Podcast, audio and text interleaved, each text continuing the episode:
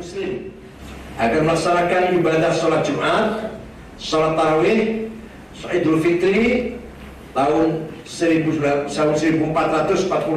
Hijriah di rumah masing-masing serta tidak melaksanakan kegiatan takbir keliling, buka bersama, silaturahim.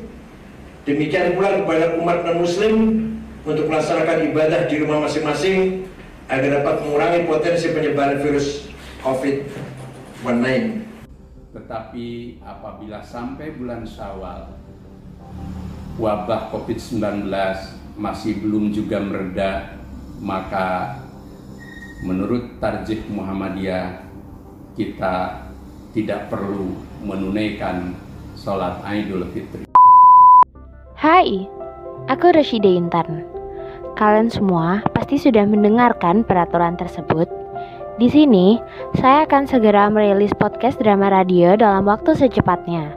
Jadi, jangan lupa follow akun ini untuk mengetahui notifikasi terbarunya ya.